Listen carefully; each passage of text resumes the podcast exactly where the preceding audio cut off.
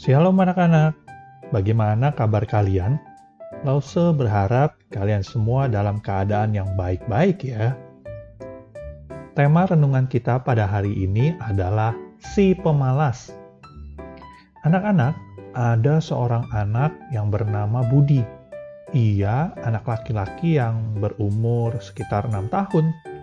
Sejak kecil, ia mempunyai kebiasaan yang tidak baik.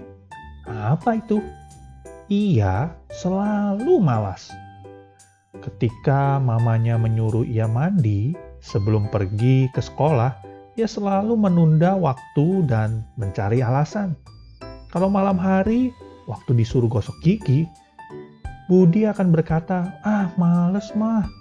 Aku mau tidur aja, sudah ngantuk." Budi juga malas mengganti bajunya.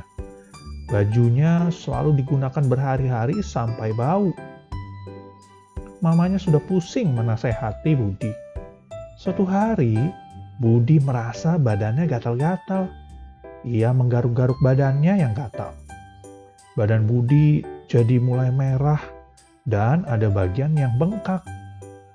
Ia mulai menangis. Dan mama akhirnya membawa Budi ke dokter. Sampai di dokter, dokter berkata kepada mamanya, kalau Budi sakit karena ia tidak menjaga tubuhnya dengan baik. Mama Budi hanya tersenyum, dan dalam hati Mama berdoa supaya mudah-mudahan dengan kejadian ini Budi jadi rajin merawat tubuhnya. Dan kalian tahu, doa Mama Budi terjawab Sejak sakit itu, Budi jadi rajin mandi, rajin gosok gigi, dan juga rajin untuk mengganti bajunya setiap hari.